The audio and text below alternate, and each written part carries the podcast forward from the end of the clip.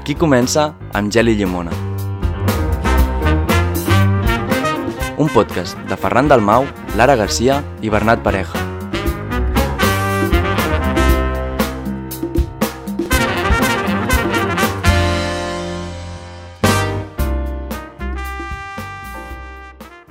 Benvinguts i benvingudes una setmana més. Soc la Lara Garcia i m'acompanyen, com sempre, Ferran Dalmau i Bernat Pareja. Avui estem a 8 de març i volem donar veu a les nostres companyes de professió. Tot i que sempre informem i construïm els episodis en clau feminista, avui volem aprofitar aquest dia per descobrir els orígens del 8M i la realitat de les professionals als mitjans de comunicació. Avui ens movem al nostre dia a dia.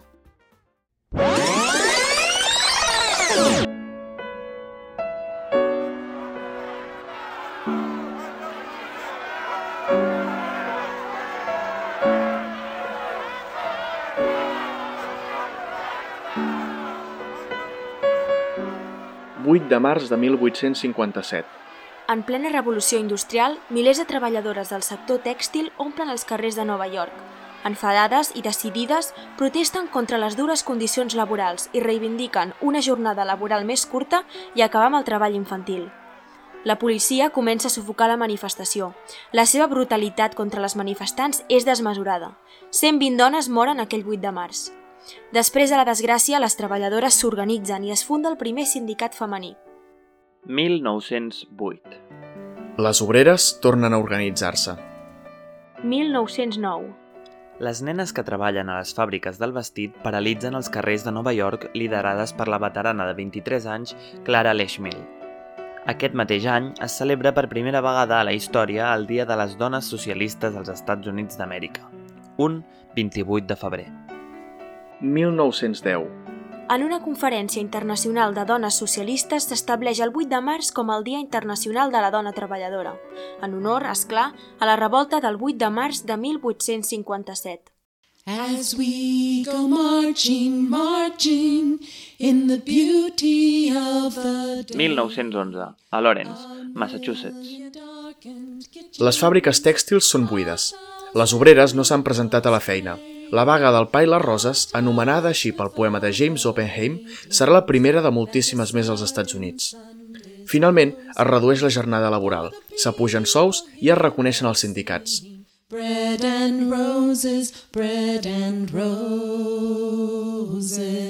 Quan el moviment feminista de les treballadores comença a obtenir resultats, el 25 de març de 1911, la fàbrica Triangle Shirtwaist comença a cremar. Intoxicació per fum, esfondraments, cremades... La fàbrica tèxtil s'ensorra i moren 146 treballadores que no tenen escapatòria. Tot apunta que els responsables de la tragèdia van ser els propis propietaris de Triangle Shirtwaist.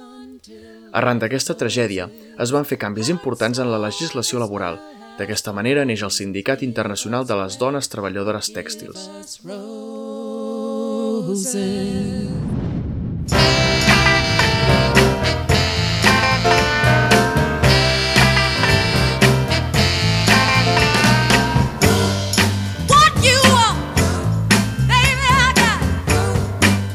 Del periodisme i la comunicació no queda exempt dels valors del patriarcat.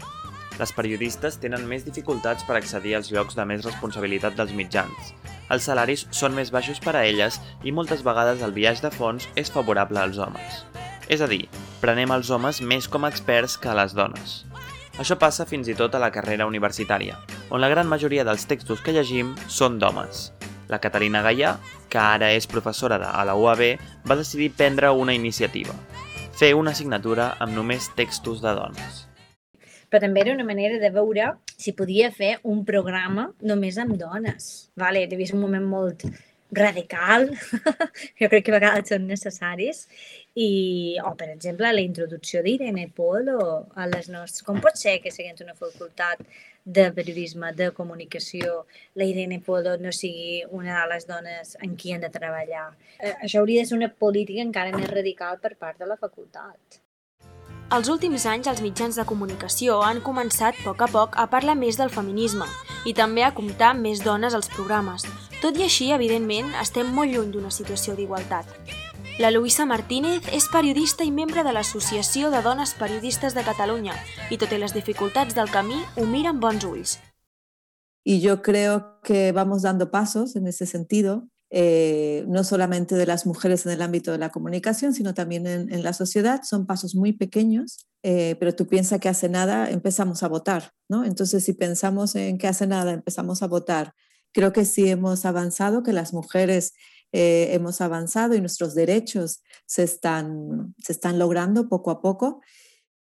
Tot i així, creu que en l'àmbit de la comunicació estem endarrerits. Pero específicamente en el ámbito de la comunicación, creo que hay un poco de desfase, por no decir demasiado. La mayoría de las, de las personas que egresan de las facultades de comunicación y periodismo son mujeres. Sin embargo, cuando vas a ver las, los datos de empleabilidad, te das cuenta que un mayor porcentaje son hombres. Y entonces ahí es donde yo me pregunto, ¿y dónde están las mujeres? La Unió General de Treballadors va un estudi a partir de les dades d'ocupabilitat per respondre precisament a aquestes preguntes, i el resultat va ser el següent. Van concloure que, malgrat que la carrera està molt feminitzada, després la majoria de periodistes exerceixen de redactores i els seus llocs en equips directius és molt escàs. Majoritàriament treballen en agències de notícies, mentre que a la televisió n'apareixen molt poques. A més, la bretxa salarial és de gairebé el 18%.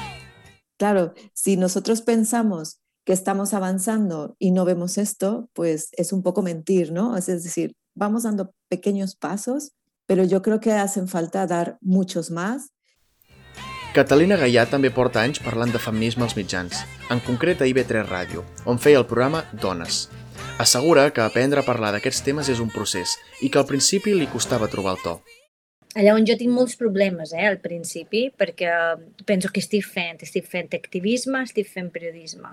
I passa gairebé mig any fins que trob l'equilibri entre fer activisme i fer periodisme. Ha estat un procés primer de desempallegar-me de tot el patriarcat que la socialització escolar i universitària vaig viure, podria dir vaig patir, eh, en realitat.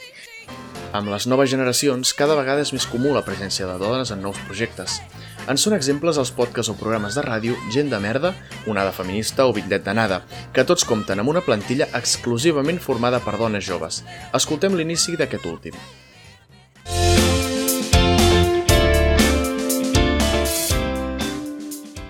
Salutacions i benvingudes a Bitllet d'anada al programa radiofònic que pretén descobrir nous mons i deixar els prejudicis de costat.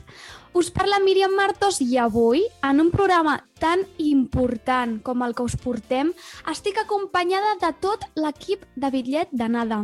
La Núria Gandia. Hola. La Laia Sala. Hola. La Mireia Iats. Hola. I la Maria Bassols. Hola. Dones fortes, dones valentes, dones que no es deixen trepitjar. Això és bitllet d'anada.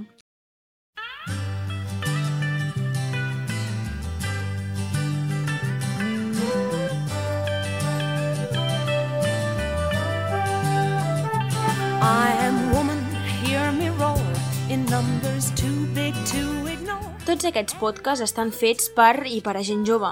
Però quan s'han de començar a ensenyar aquests valors? Quan s'entra l'adolescència? Quan són petits? Quan són molt petits?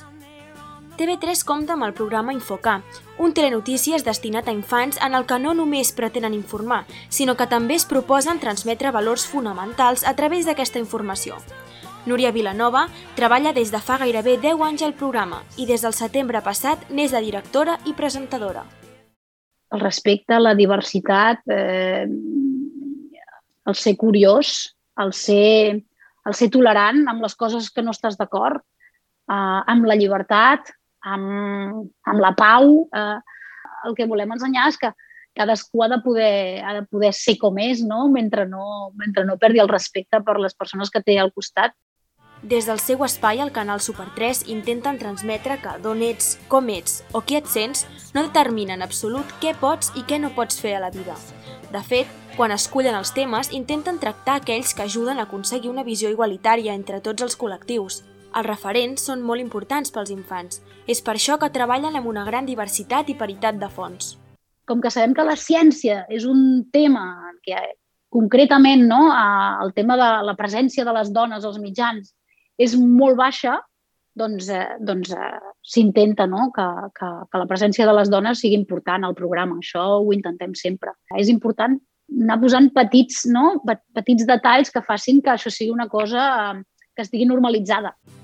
Núria Vilanova afirma que sempre ha estat molt bé a l'Infoca i que els rols que s'estableixen dins l'equip en cap cas són condicionats pel seu sexe o pel seu origen. Abans d'ella, la presentadora i directora era una altra dona, Laia Cervera. Sobre com d'important és aquesta figura femenina en l'àmbit informatiu des de que som petits, Vilanova argumenta el següent. És eh, molt important que ells vegin doncs, que una cosa la pot fer un home i una dona, eh, i un home o una dona del color que sigui, i vingui d'on vingui, i, i això és, eh, és vital, no? perquè, perquè està més que demostrat que les persones necessitem referents des de ben petits que ens facin creure que allò que estem veient és possible per nosaltres també. I això és una responsabilitat que, que tenim, no?, els mitjans de comunicació, perquè està clar doncs, que és una finestra que tenim nosaltres oberta i, i per tant, eh, això eh, és una responsabilitat, i més si, si ets una televisió pública. L'Infok és un model a seguir i ho demostra el fet que, tot i la baixada d'espectadors del canal Super 3, el programa es manté amb la mateixa audiència i està entre els 10 més vistos de tota la Corporació Catalana de Mitjans Audiovisuals.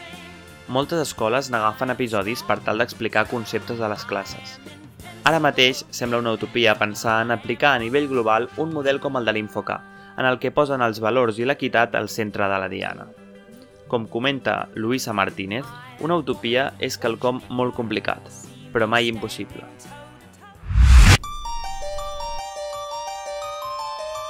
Mira, nene, óyeme. Don't play with my ass. Cause if you play with my ass, you will quemarte. Però podem realment assolir la igualtat de gènere als mitjans de comunicació a curt termini?